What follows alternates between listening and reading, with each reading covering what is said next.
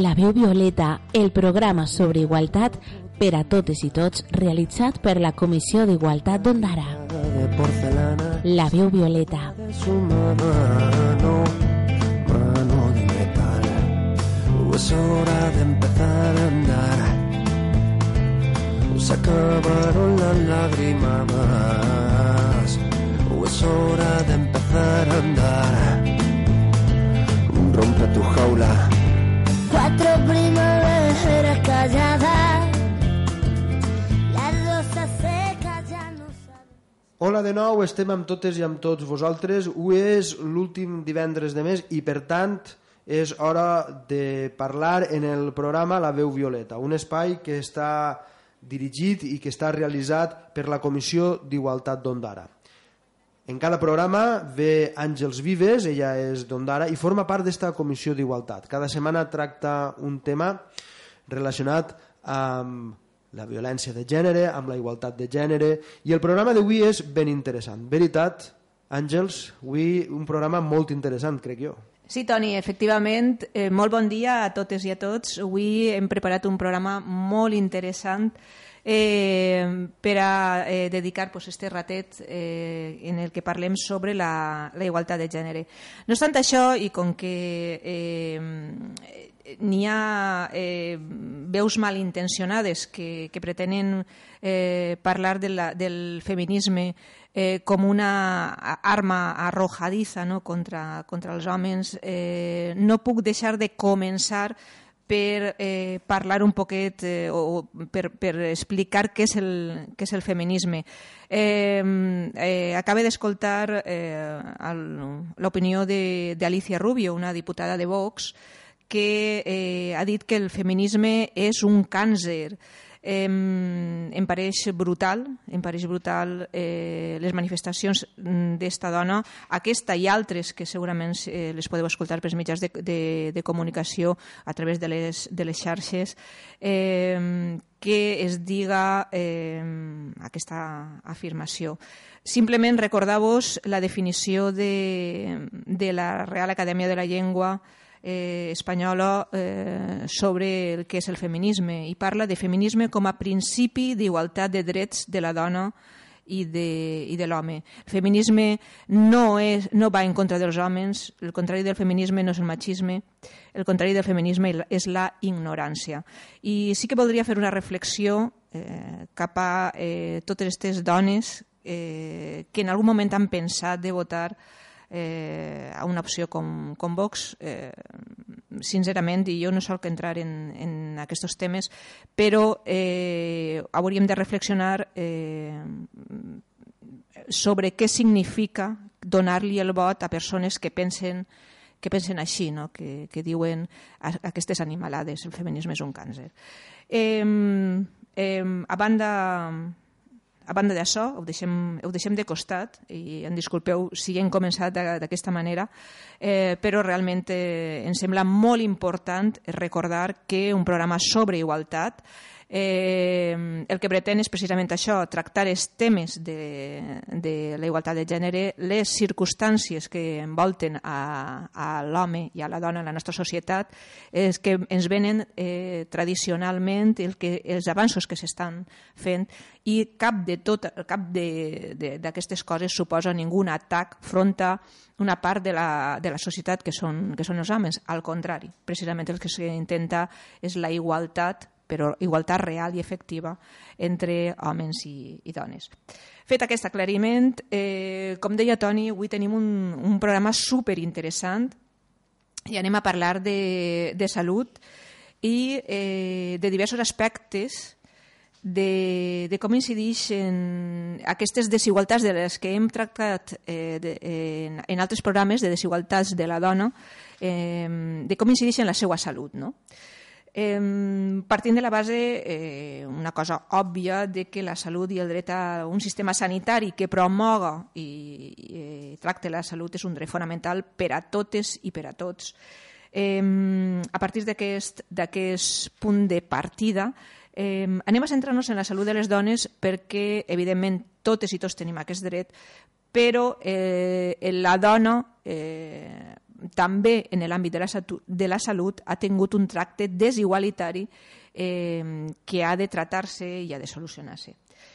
Els motius eh, els motius eh, per els quals una, la, la desigualtat afecta la salut de les, de les dones poden ser molt, molt diversos.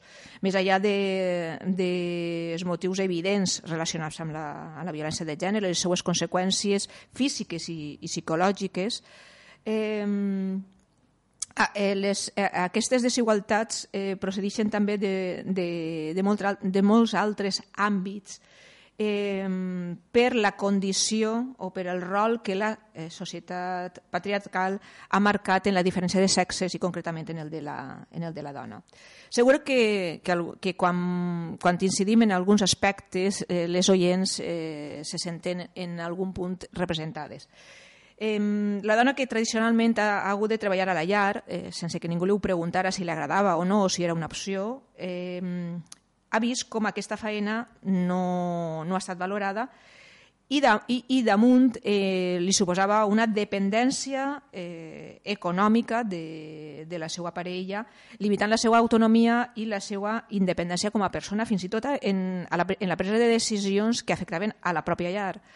Eh, la dona, mm, que a més a més eh, ha hagut de treballar fora de la llar, afegeix un doble esforç, un treball eh, en la llar i un treball, treball fora de la llar eh, mal remunerat i amb molts entrebancs pel seu de, eh, desenvolupament en un sostre de cristal, en una bretxa salarial eh, que va incidint eh, pues, en situacions de eh, malestars eh, psicològics, inclús físics. Per altre costat, eh, també podríem parlar de la tirania de la bellesa eh, masclista que condueix a, a milions de dones a, a, a tindre sentiments eh, crònics d'inadequació, de culpa, de no ser prou, de no cuidar-se prou, de no menjar prou bé, de no estar prou prima, o inclús eh, en aspectes físics de no estar prou bonica, o de no tindre un, un pit prou gran o, o massa gran, etc. Inclús eh, si les dones eh, eh, es conformen o si es rebel·len contra aquests dictats, eh, sempre es consideren a les dones com a, com a éssers inestables. Un exemple eh, molt evident estaria relacionat amb, amb el desig, per exemple. Si s'atén al mandat femení, la, la bona dona no mostra o no ha de mostrar massa desig eh, sexual i ha d'estar pendent i disponible per a la seva parella eh, masculina. Eh, la, la, el contrari, eh, si, si disfruta del sexe, si està pendent del seu plaer i està connectada amb el seu cos, també existeix una visió que pot produir-li culpa o per considerar-se massa egoista o massa prolífica. No? Eh, perdó, en, en relació en, en altres aspectes de la salut de, de la dona pues, es podria parlar de, de l'ablació del clítoris, de la prohibició de l'avortament eh, o de l'ús de la dona com del cos, la cosificació de la dona com a, com a objecte sexual, determinades pràctiques eh, que condueixen a que estiguen exposades a mm, moltes més malalties que altres eh, sectors de la societat. Eh, aquesta situació, òbviament, eh, empitjora si parlem de la dona en el tercer món. La seva situació és molt més brutal quan eh, les, la possibilitat d'accedir a, a un sistema sanitari eh, és mínim o, o nul, o eh, inclús en, en qüestions bàsiques i en, tan, en situacions tan freqüents com pot ser una maternitat en el que la dona continua, eh, en, sobretot en el tercer món, continua morint-se en el part. Pel que fa al tractament, diguem-ne, més professional de la salut de la dona, també eh, ens mereix unes paraules de reflexió. Partint del fet que, que existeix en la societat una jerarquia de, de gèneres eh, on les característiques masculines estan millor valorades i més reconegudes que les femenines, els i les professionals de la salut no són aliens o alienes a, a tots aquests prejudicis, formen part també de, de la societat. Per tant, també arriben els estereotips i i els rols en, la, en els professionals i les professionals de la salut pel que fa al, al tractament, diguem-ne, professional de la, de la salut de la dona, mereix també unes paraules de, de reflexió. partint del fet que existeix en la societat una jerarquia de gèneres on les característiques masculines estan millor valorades i reconegudes que les femenines, els i les professionals de la salut, mm, com a part d'aquesta societat, no són aliens o alienes als prejudicis, als estereotips i als rols de la salut. I l'atenció que reserven als problemes de salut també acaba sent diferent en funció de, de si la persona que tenen davant és un home o una dona o una altra identitat eh, sexual diferent. Òbviament, la perspectiva feminista en l'abordatge de la salut i en qualsevol altre àmbit eh, no significa obviar les diferències biològiques que existeixen entre els cossos de, dels homes i, i de les dones. Simplement consisteix eh, a tindre en compte aquestes diferències i atorgar el mateix valor a un i a l'altre per poder oferir una atenció, un diagnòstic i tractaments en igualtat de condicions i, i eficaços. Mm, vos poso un exemple. Eh, quan s'estudien els símptomes i es popularitzen símptomes, la sintomatologia de l'infart de miocardi, es parla de símptomes habituals en el cos de l'home, perquè es, con es considera eh, com que és lo normal, no? el criteri de normalitat. Eh, eh, aquesta, aquest infart de miocardi en l'home, eh, la, la sintomatologia són dolor en el pit, dolor en el braç esquerre, però en el cas de les dones, l'infart de miocardi té símptomes diferents. Eh, existeix un dolor en la part alta del cos que pot irradiar a mandíbules, al coll, eh, dolors i ardors eh, d'estómac i també dificultats per a respirar és important eh, saber tota la, la sintomatologia, no només la sintomatologia de la meitat de la població. L'estudi de, la, de la diversitat, el reconeixement d'aquesta sintomatologia resulta fonamental per poder eh, realitzar un bon diagnòstic i la bona informació, tant en homes com en les dones, és fonamental per a que puguem eh, mm, tindre un, un moment d'alarma i acudir al, al professional, a la professional. Eh, però també els, els avanços en medicina són fonamentals per a, pel benestar de les persones en la seva vida diària, facilitar els mitjos i els processos, eh, com en la planificació familiar, ha resultat fonamental per a que eh, les dones pogueren decidir sobre la, sobre la seva vida. Eh, en general podem dir que l'autoconeixement eh, és una de les formes d'alliberament de, la, de la dona, saber com és, com funciona el nostre cos, es dona poder sobre ell, augmenta la nostra autoestima i promou l'autotensió.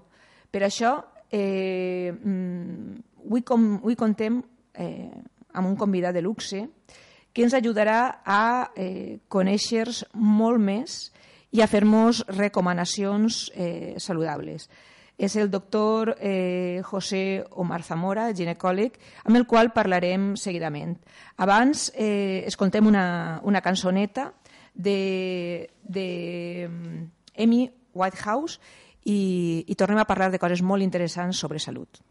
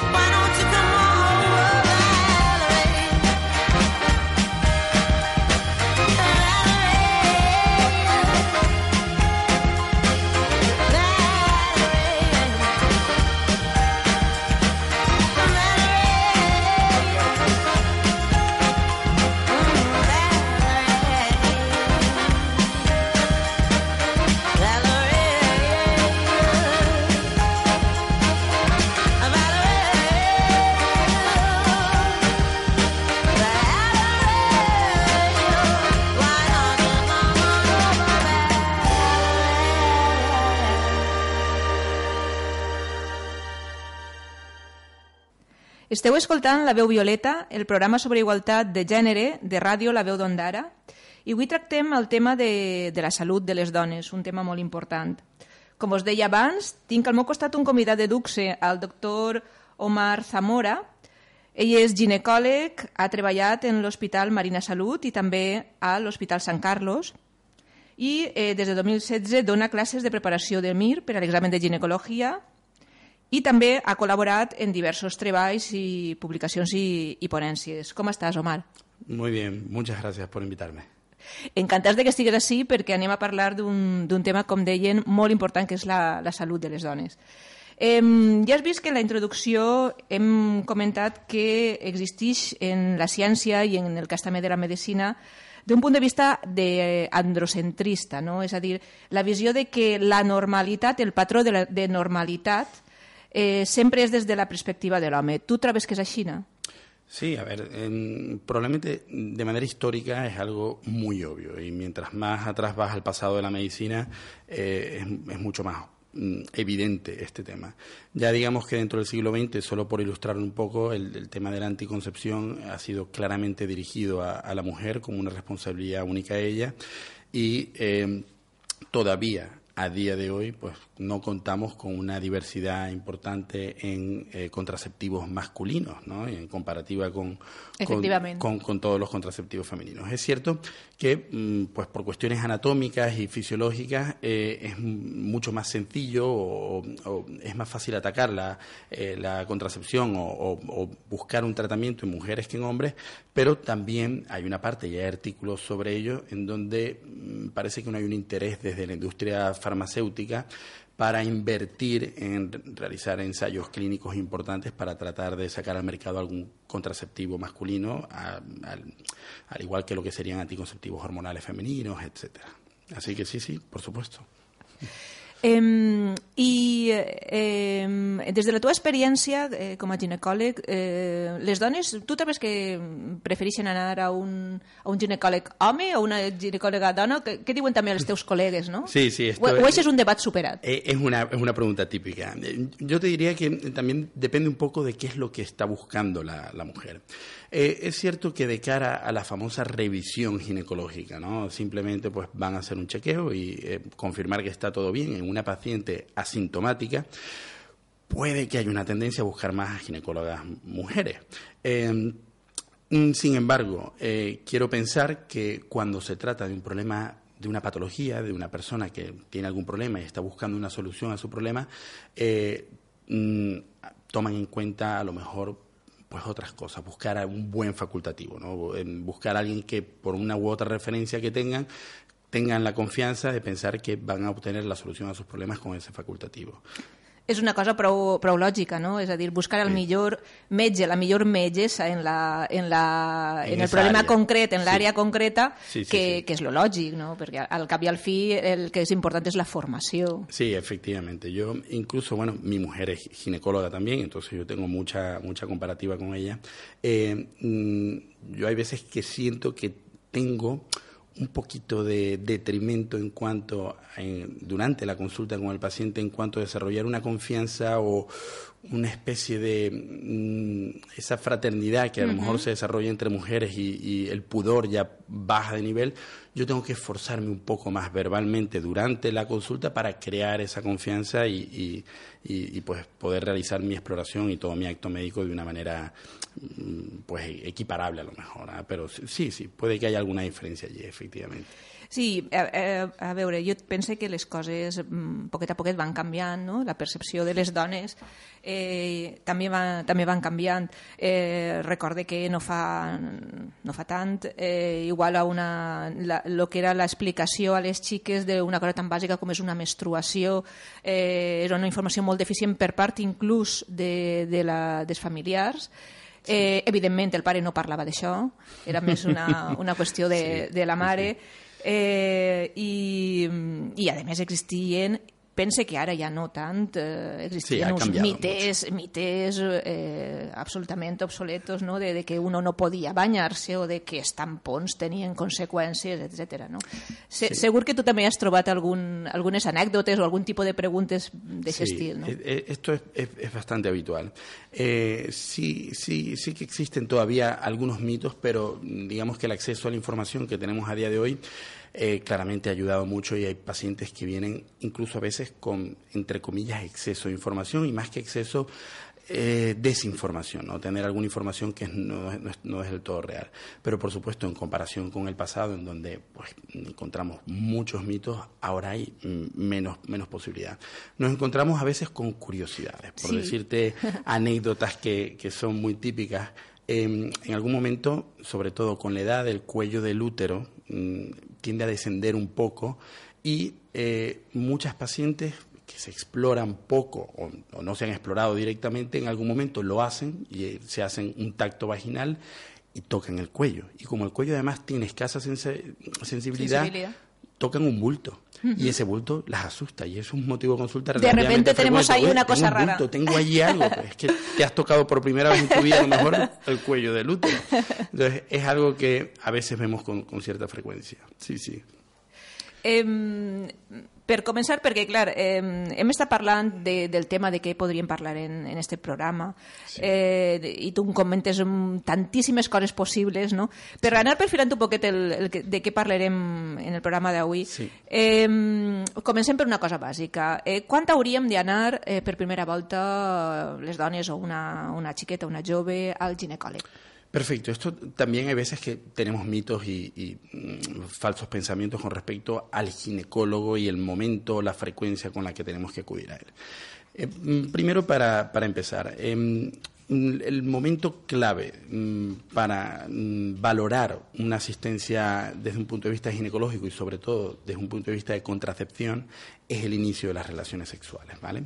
Eh, previo a ello, en una paciente que se encuentra asintomática y no hay una necesidad de una valoración médica, em, algo más sí que mm, quiero destacar, pues eh, también es difícil en ocasiones para las pacientes, sobre todo aquellas que están empezando con su vida fértil y con las menstruaciones, identificar si esas menstruaciones tienen una cantidad adecuada y un dolor adecuado. Y eso también es otro de, los motivos eh, de consulta que podrían darse pues, previo incluso al inicio de las relaciones sexuales.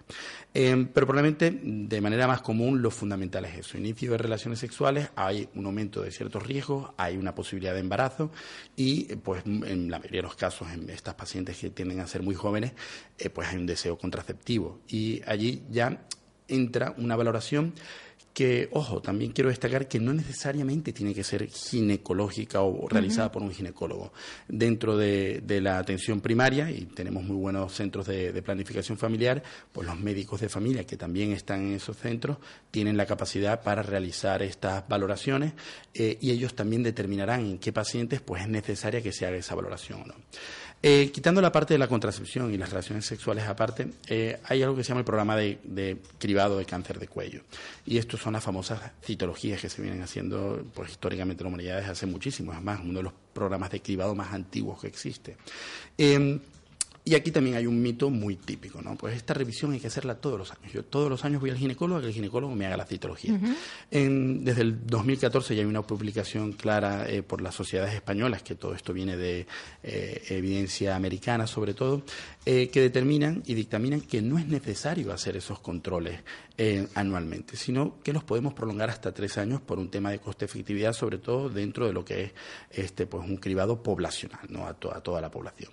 Entonces esto está validado además desde edades distintas a las que puede que clásicamente pensemos. A día de hoy sabemos que hay que hacerlo desde los 25 años y no deberíamos hacerlo antes de ello.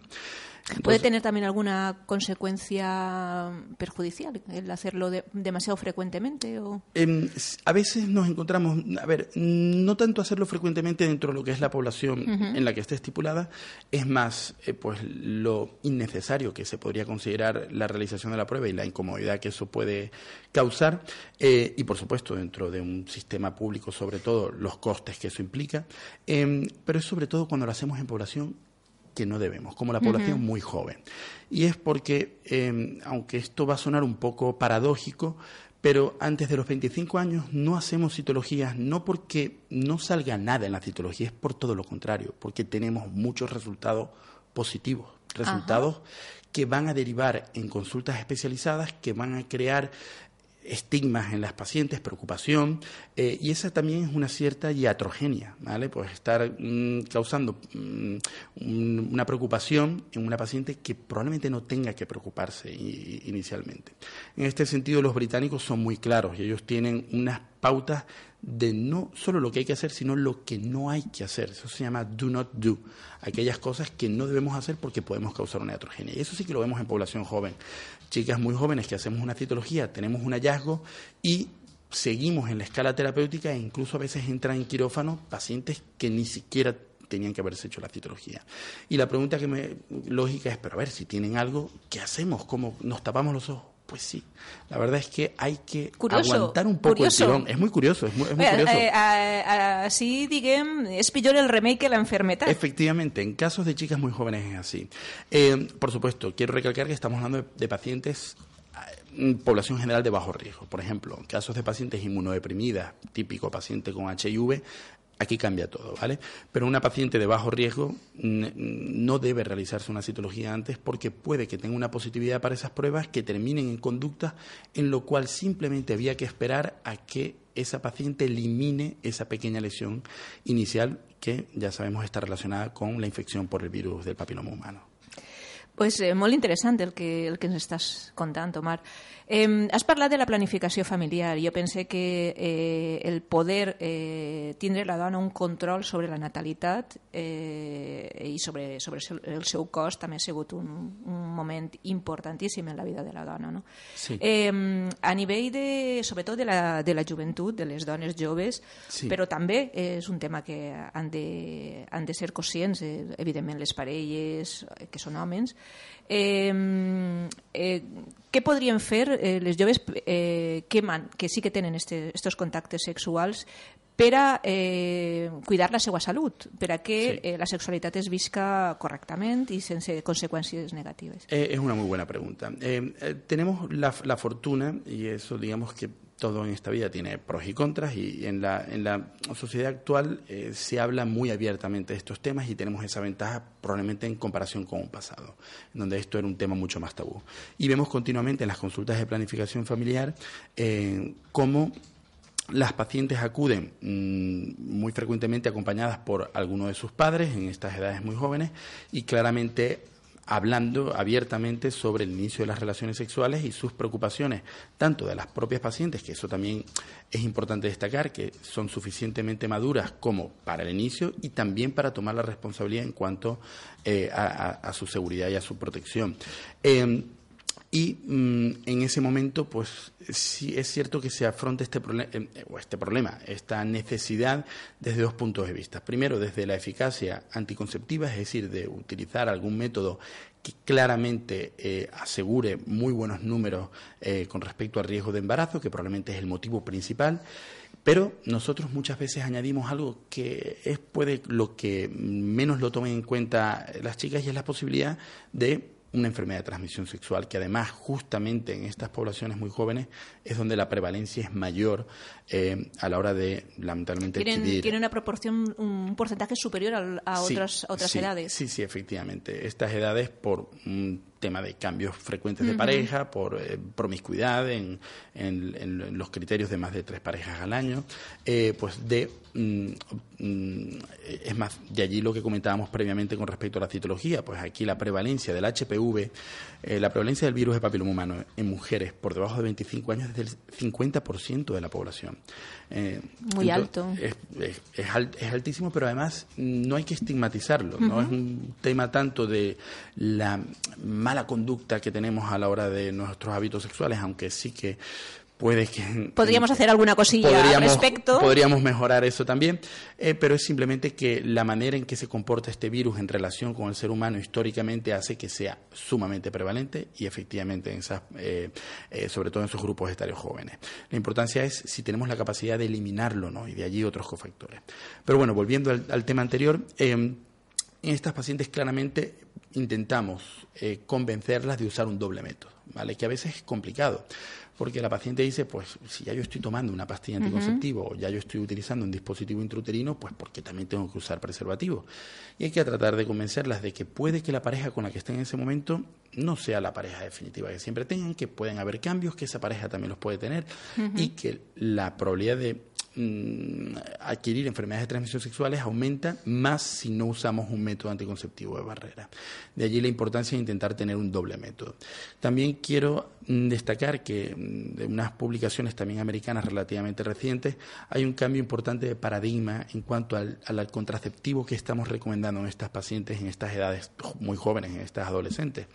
Eh, digamos que el dispositivo intrauterino y los métodos de larga duración, que es como, se conocen, eh, estaban casi siempre más reservados de manera clásica a mujeres que hayan tenido ya un parto previo, de una mayor edad, para una contracepción, una contracepción de, de larga duración en otras edades.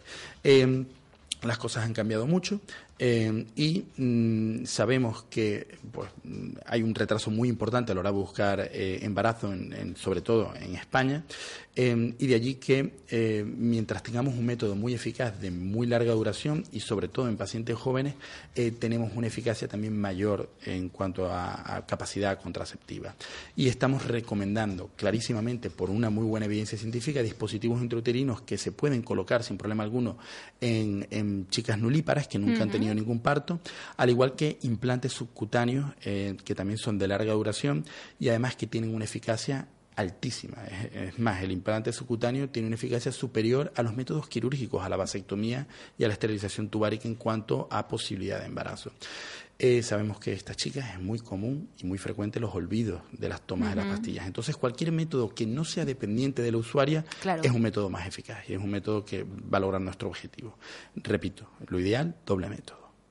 Pues eh, es importante recordar a la, a la gent jove als joves, a les joves, sobretot a les joves que està, estan decidint també sobre conseqüències en la seva vida importants, eh, que en la pràctica de les relacions sexuals es protegisquen, que vagin a preguntar quin és el, el mètode que, que els interessa més eh, usar segons la seva edat, segons la seva conducta sexual, que no passa res, i que és precisament això el que s'ha de, de parlar. S'ha de parlar en casa i s'ha de parlar en professionals. No? Sí, por supuesto.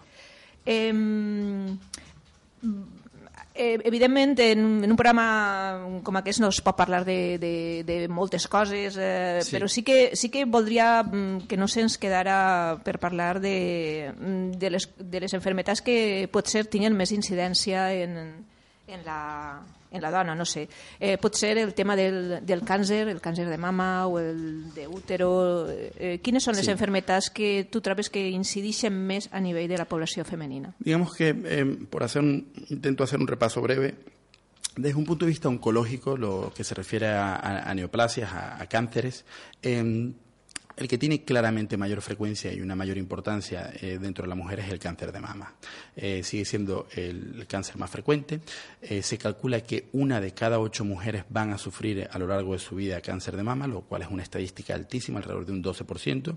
Tenemos una gran ventaja y una, digamos que una muy buena noticia para, para las mujeres, tanto por el programa de cribado, que pues tiene sus limitaciones, pero, mm, pero se da y se da bastante bien además em, dentro de lo que es em, la seguridad social, em, pero sobre todo por el tratamiento que cada vez se investiga mejor y se da un tratamiento mucho más específico que aumenta la supervivencia y sobre todo en comparación al pasado. Actualmente la supervivencia, mm, la media a los cinco años, que es como eh, calculamos la, la, supervivencia en cuanto a los cánceres, es de un 80%, lo cual es cada vez más alta, ¿no? Efectivamente, son números buenísimos, sobre todo en comparativa con otras enfermedades de tipo neoplasia, cánceres. Eh, entonces, en ese sentido, pues mm, lo más probable es que ante un diagnóstico de un cáncer de mama, clarísimamente lo más probable es que vaya, se, vaya a sobrevivir y a pasar y, a curar esa enfermedad, ¿vale? Eh, la importancia viene dentro del programa de cribado. A día de hoy sabemos que lo más fuerte a nivel de evidencia científica es entre los 50 y 70 años, realizando mamografías bianuales, cada dos años y em, lo ideal es hacerlas siempre en el mismo sitio para los radiólogos tener las comparativas con las mamografías previas. Eh, es cierto que entre los 40 y los 50 años, aunque la evidencia es menos fuerte, parece que mientras más nos acercamos a los 50 iba mejor.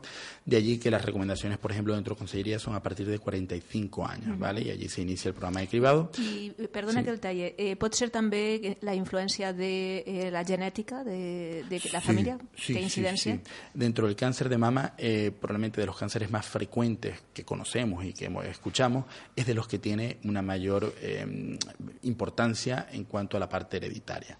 No quiere decir que la mayoría de los cánceres de mama son hereditarios, al contrario, son entre un 5 y un 10%, pero es un número suficientemente alto, sobre todo en una enfermedad tan prevalente, eh, como para que esos antecedentes familiares, y además los dirigimos en toda entrevista ginecológica, cuando preguntamos antecedentes familiares, sobre todo nos dirigimos a eso. pues, Primer grado, hermana, madre, hijas, incluso tías maternas con cáncer específicamente de mama, porque sí tiene una gran importancia.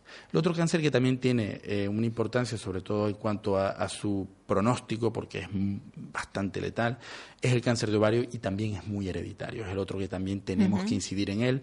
E incluso los genes que mm, te dan mayor probabilidad de tener cáncer de mama son los mismos que te dan mayor probabilidad al tener cáncer de ovario. Son relativamente famosos, los BRCA o los BRCA.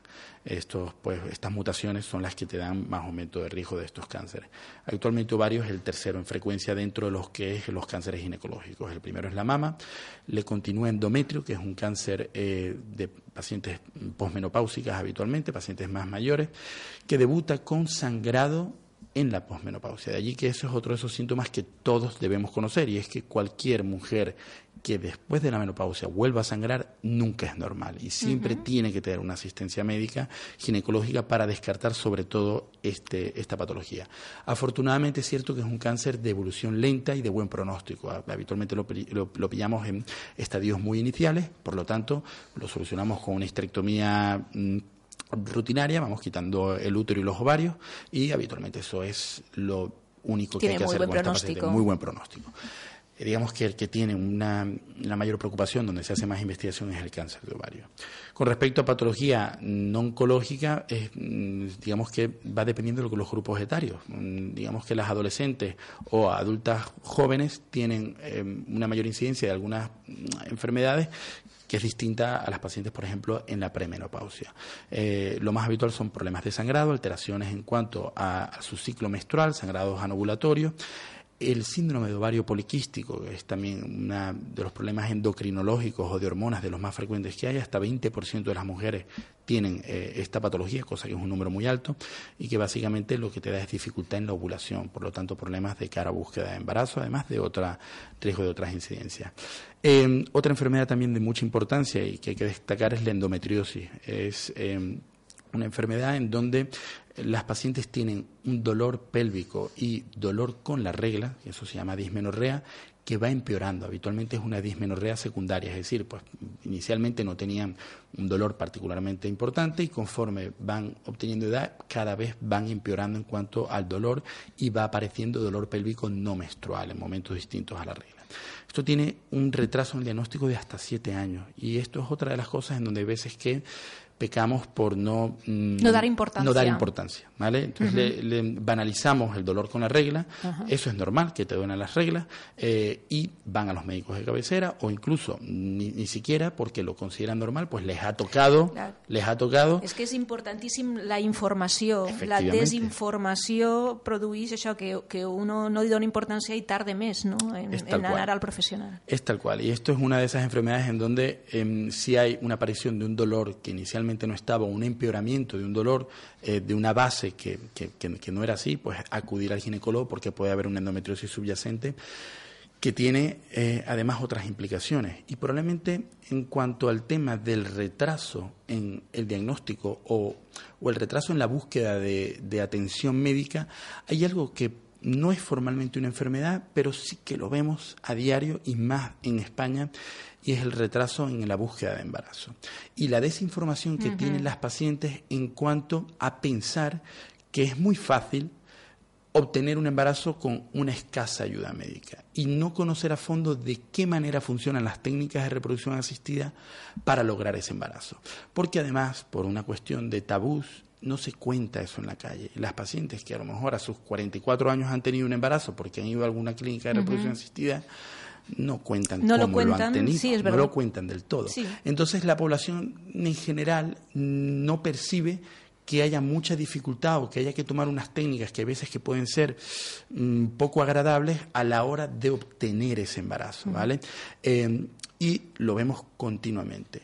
Eh, España, además, creo que es el país a día de hoy de la Unión Europea con un mayor retraso en la búsqueda de embarazo. Creo que la de media está en Evidentemente, 32 años. En, en la calle vemos cada día cómo se- eh, la mujer retrasa eh, perdón, la, la maternidad mm, por, eh, per altres Sí. eh, circumstàncies socials, laborals, eh, perquè, evidentment, eh, la criança, el tindre fills, eh, la criança una se, se ho ha de pensar, eh, perquè en, en tal i com, és, com està la situació. Sí, sí. El detalle es que al ovario le da igual. Evidentment, evidentment, no coneix Y- d'aquestes circumstàncies. Efectivamente. Eh, y aquí sí que tenemos una manera que puede que no sea la ideal, ¿vale? Ojalá hubiese alguna mucho más sencilla y económica, además de, de ayudarlo, pero eh, las clínicas de reproducción asistida ofrecen, porque claro, esto no está financiado dentro de la seguridad social, eh, algo que se llama la preservación de fertilidad por motivos sociales. Es decir, este, en aquellas mujeres mm, jóvenes, bueno, jóvenes, vamos a establecer números y, y- no adjetivos, mujeres por debajo de 35 Cuidao, años. Omar, Sí, por això sí. de, de, de dones joves... Por eso, por, e- por eso he dicho, vamos a hablar de números y no hablemos de, de adjetivos, tal cual. Eh, Entrem en un tema y... eh, eh, pero jóvenes para qué, efectivamente, broma, es tal cual, broma. tal- no, obvio, obvio. Eh, pues por debajo de 35 años, em, mm, claramente hay muy buenos números en cuanto a preservar los ovocitos de una, de una paciente.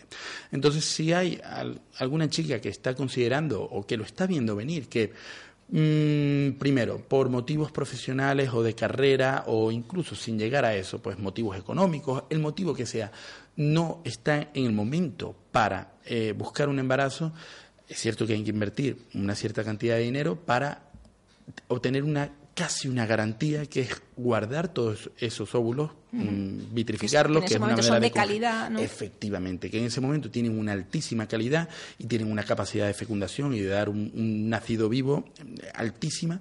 eh, para poder utilizarlos cuando deseen. Y los números se mantienen con mu- muy, buena probabilidad de éxito, incluso hasta los 45 años. Entonces, pues eso es como una especie de seguro, ¿vale? Como cuando tú vas y te haces un seguro, pues te haces un seguro con tus óvulos Sí, y así... rep- replantejar-se les Claro, y es, es realmente lo que tenemos ahora por ofrecer en esta sociedad en donde es normal, es habitual y es lógico que la mujer decida cuándo quiere quedarse embarazada y que lo retrase pues el tiempo que quiera por los motivos que desee, ¿vale? Mm, Pues eso es otro de los, de los temas que quería comentar el día de hoy. Bueno, un muntó de, de temes, eh? Sí, sí, molt- sí, hemos abarcado un poco de todo. I, i tots molt, molt interessants. Eh, no sé, parlem també un poquet de, de l'embaràs eh, Hombre, que, claro que estaves, sí. que estaves eh, dient ara.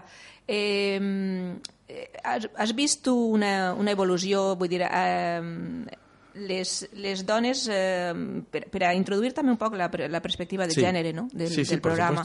Eh, has vist, eh, no sé, si les dones van més acompanyades de, Sí, de les sí, seues sí. parelles que abans, si trobes que s'involucren més, es preocupen més eh, les parelles Con- homes. Con respecto a la obstetricia, lo que a lo mejor se ha avanzado escasamente a nivel de evidencia científica, porque la obstetricia es difícil de investigar en ella, por las limitaciones, evidentemente, de tener un feto eh, en, una, en una, una paciente, lo que sí ha cambiado mucho es cómo la abordamos desde un punto de vista social. El primer gran cambio, clarísimamente, es de- dentro de las instituciones, dentro de los propios médicos. Y el, el androcentrismo al que te referías previamente, que en un pasado era una obviedad. Yo incluso te podría, en un pasado y en otras regiones lo sigue siendo, ah, seguramente. Eh, soy, soy venezolano y te podría dar ejemplos de, de frases que he escuchado en Venezuela, de cosas completamente inadmisibles que, que, que te sacan las lágrimas.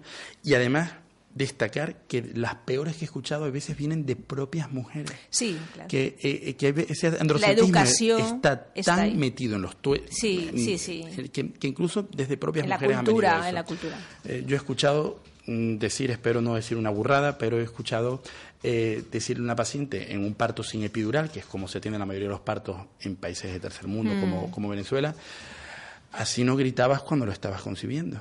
Así como decirle, oye, no grites, ¿sabes? No, que nos, molestas a nosotros por expresar tu dolor. Sí, en y, fin. y mira, mm, así, hay un tema. Y actualmente esto ha cambiado muchísimo. Entonces estamos siendo mucho menos intervencionistas.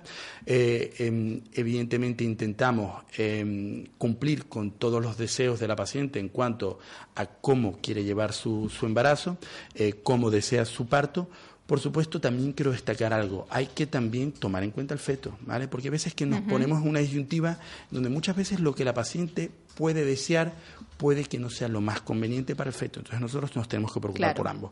Y también quiero destacar y recalcar la importancia eh, a la hora de dejarse asesorar por la atención médica. Porque también en esta época de desinformación en la que vivimos, tenemos muchas personas que vienen con claros sesgos mm, y prejuicios a la hora de, sobre todo en temas obstétricos, eh, y no, no hay una confianza y una relación adecuada médico-paciente, y eso da limitaciones y consecuencias que solamente van a ser negativas para los pacientes.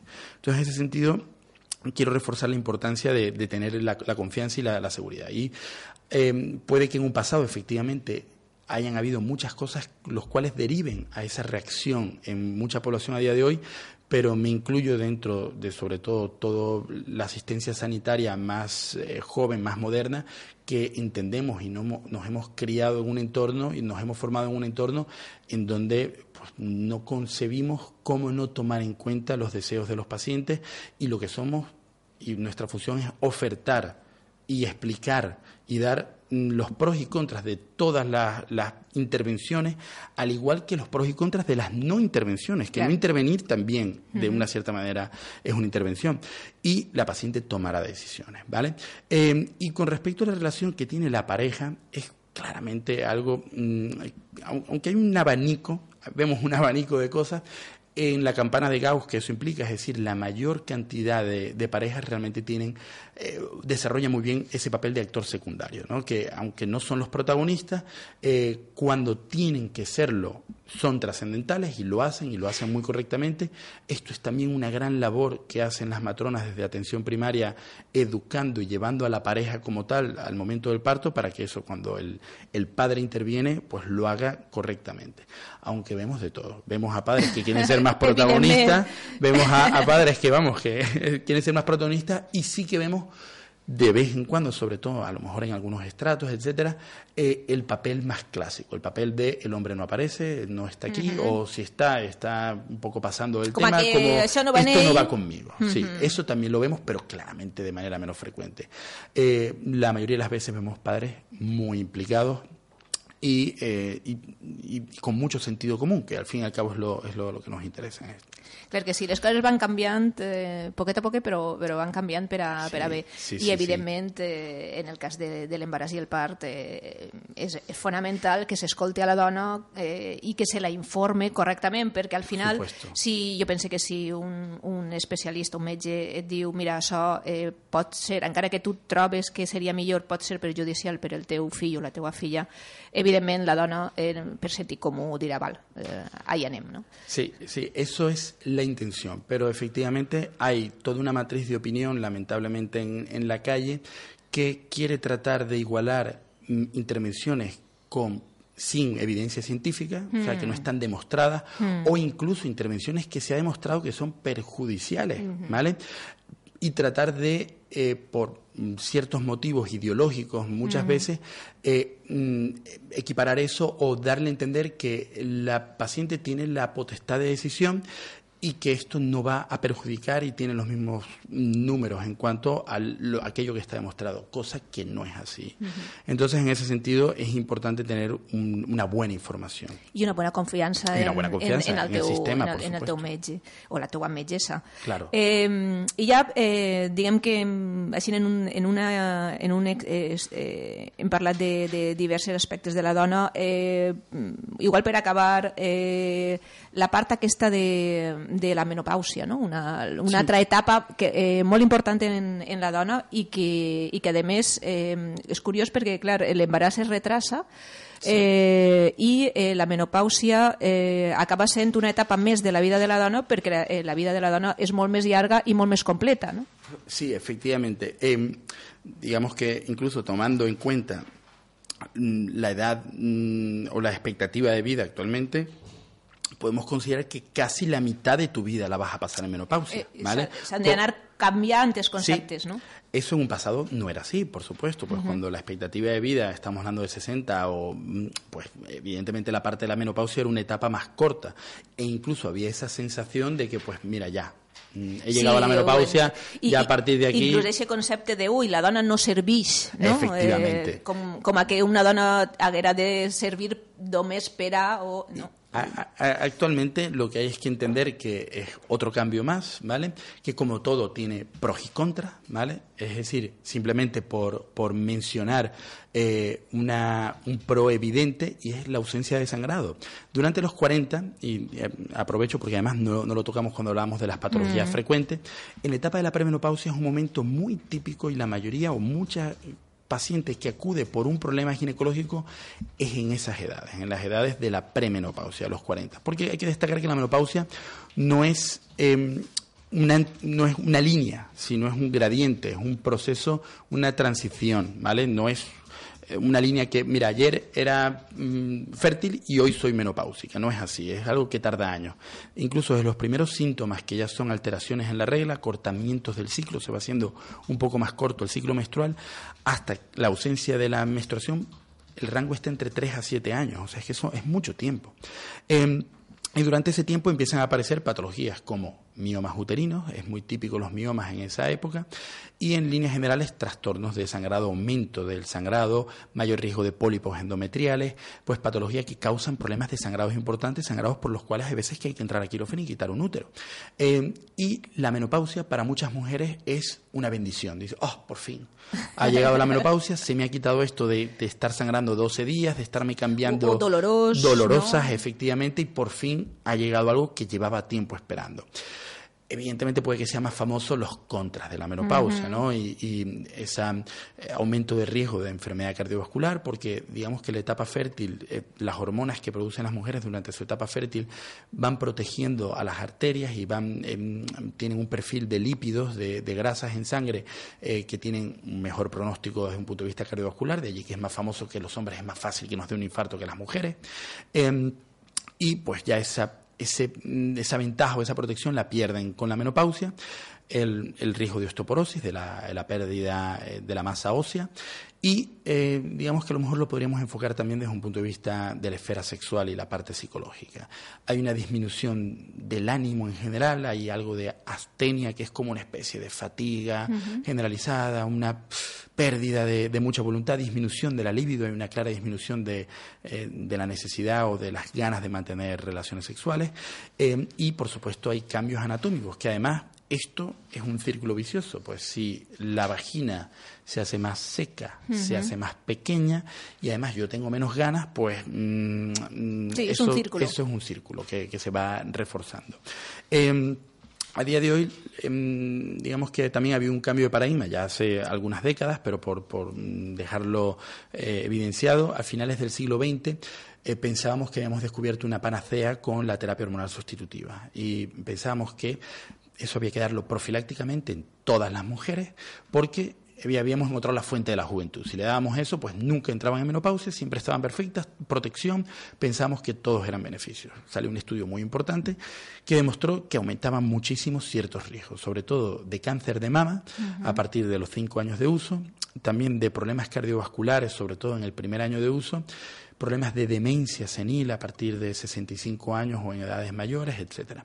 Entonces, em, con el aumento de esos riesgos hemos sido mucho más cautelosos y como muchas cosas, todo causa una reacción. Entonces pasamos de darla a absolutamente todo el mundo a demonificar esto, a vamos, esto es el, demonio, vamos, no lo podemos dar a nadie porque esto es claramente un veneno. Y realmente tampoco es el. No, punto. ni una cosa ni la otra. Ni una cosa ni la otra, ¿no? Entonces hay pacientes que claramente se pueden ver beneficiadas. Es cierto que tienen que asumir unos ciertos riesgos. Es cierto que intentamos también con el avance de la ciencia buscar medicamentos que disminuyan ese riesgo o, o incluso que, que no lo tengan.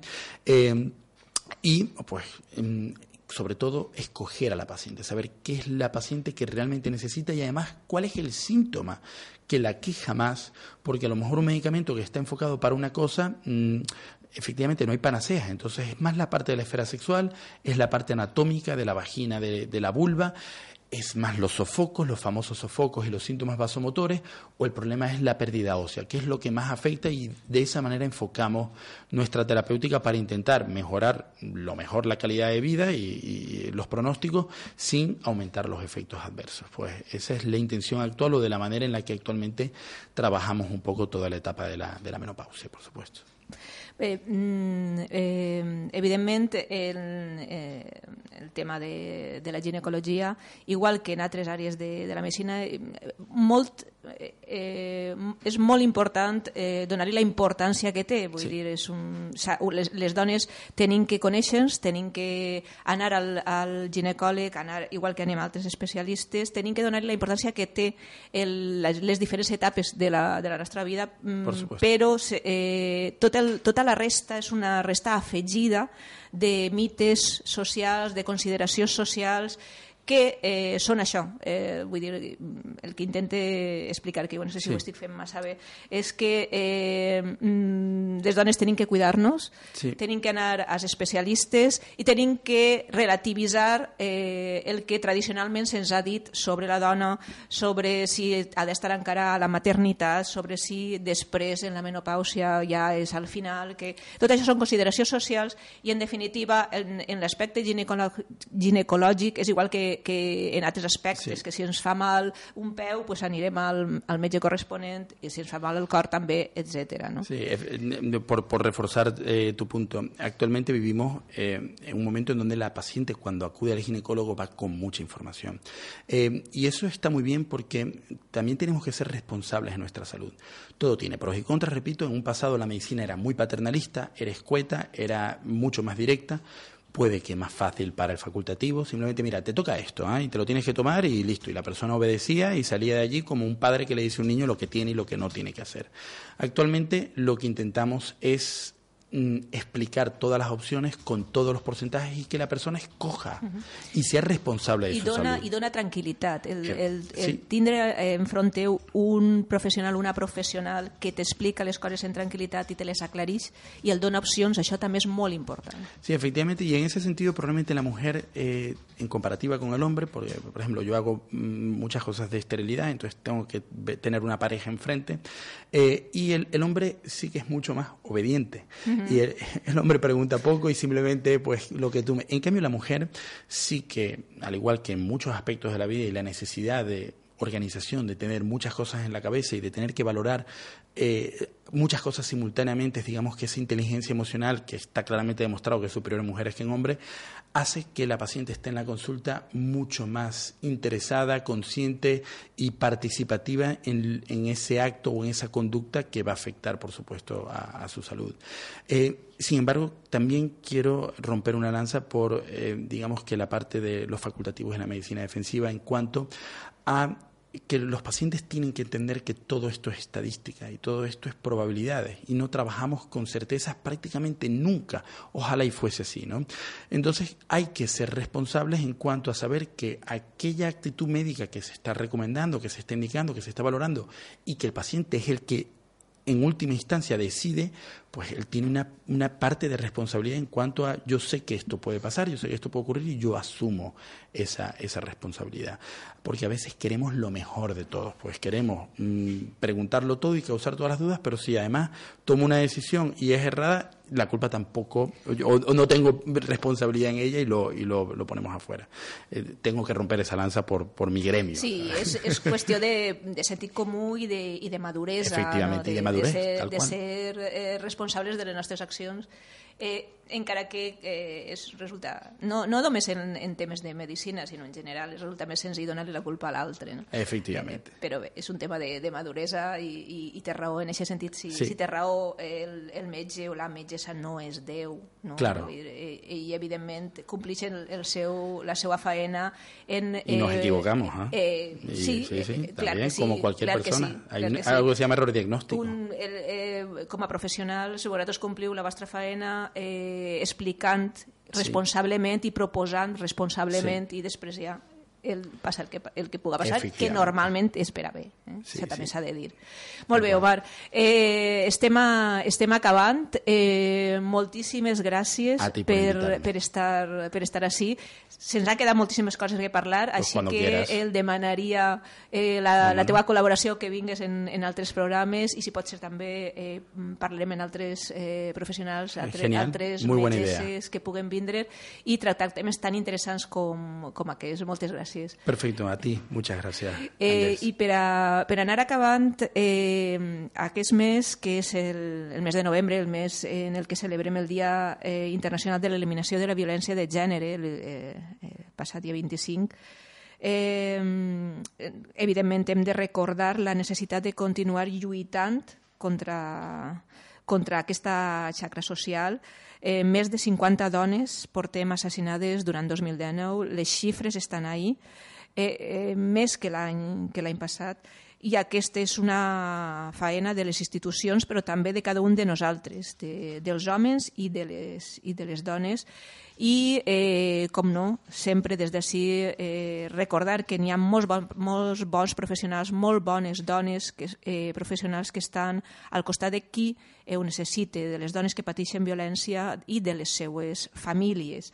I, i ara sí, eh, acabem eh, a una, en una cançoneta eh, de Nina Simone, eh, que ens l'ha recomanat el nostre convidat d'avui, eh, Omar, Eh, moltes gràcies, Omar, reitere. Moltes gràcies, Toni, al, a l'aspecte tècnic i fins al pròxim programa. Un abraç violeta enorme per a totes i tots.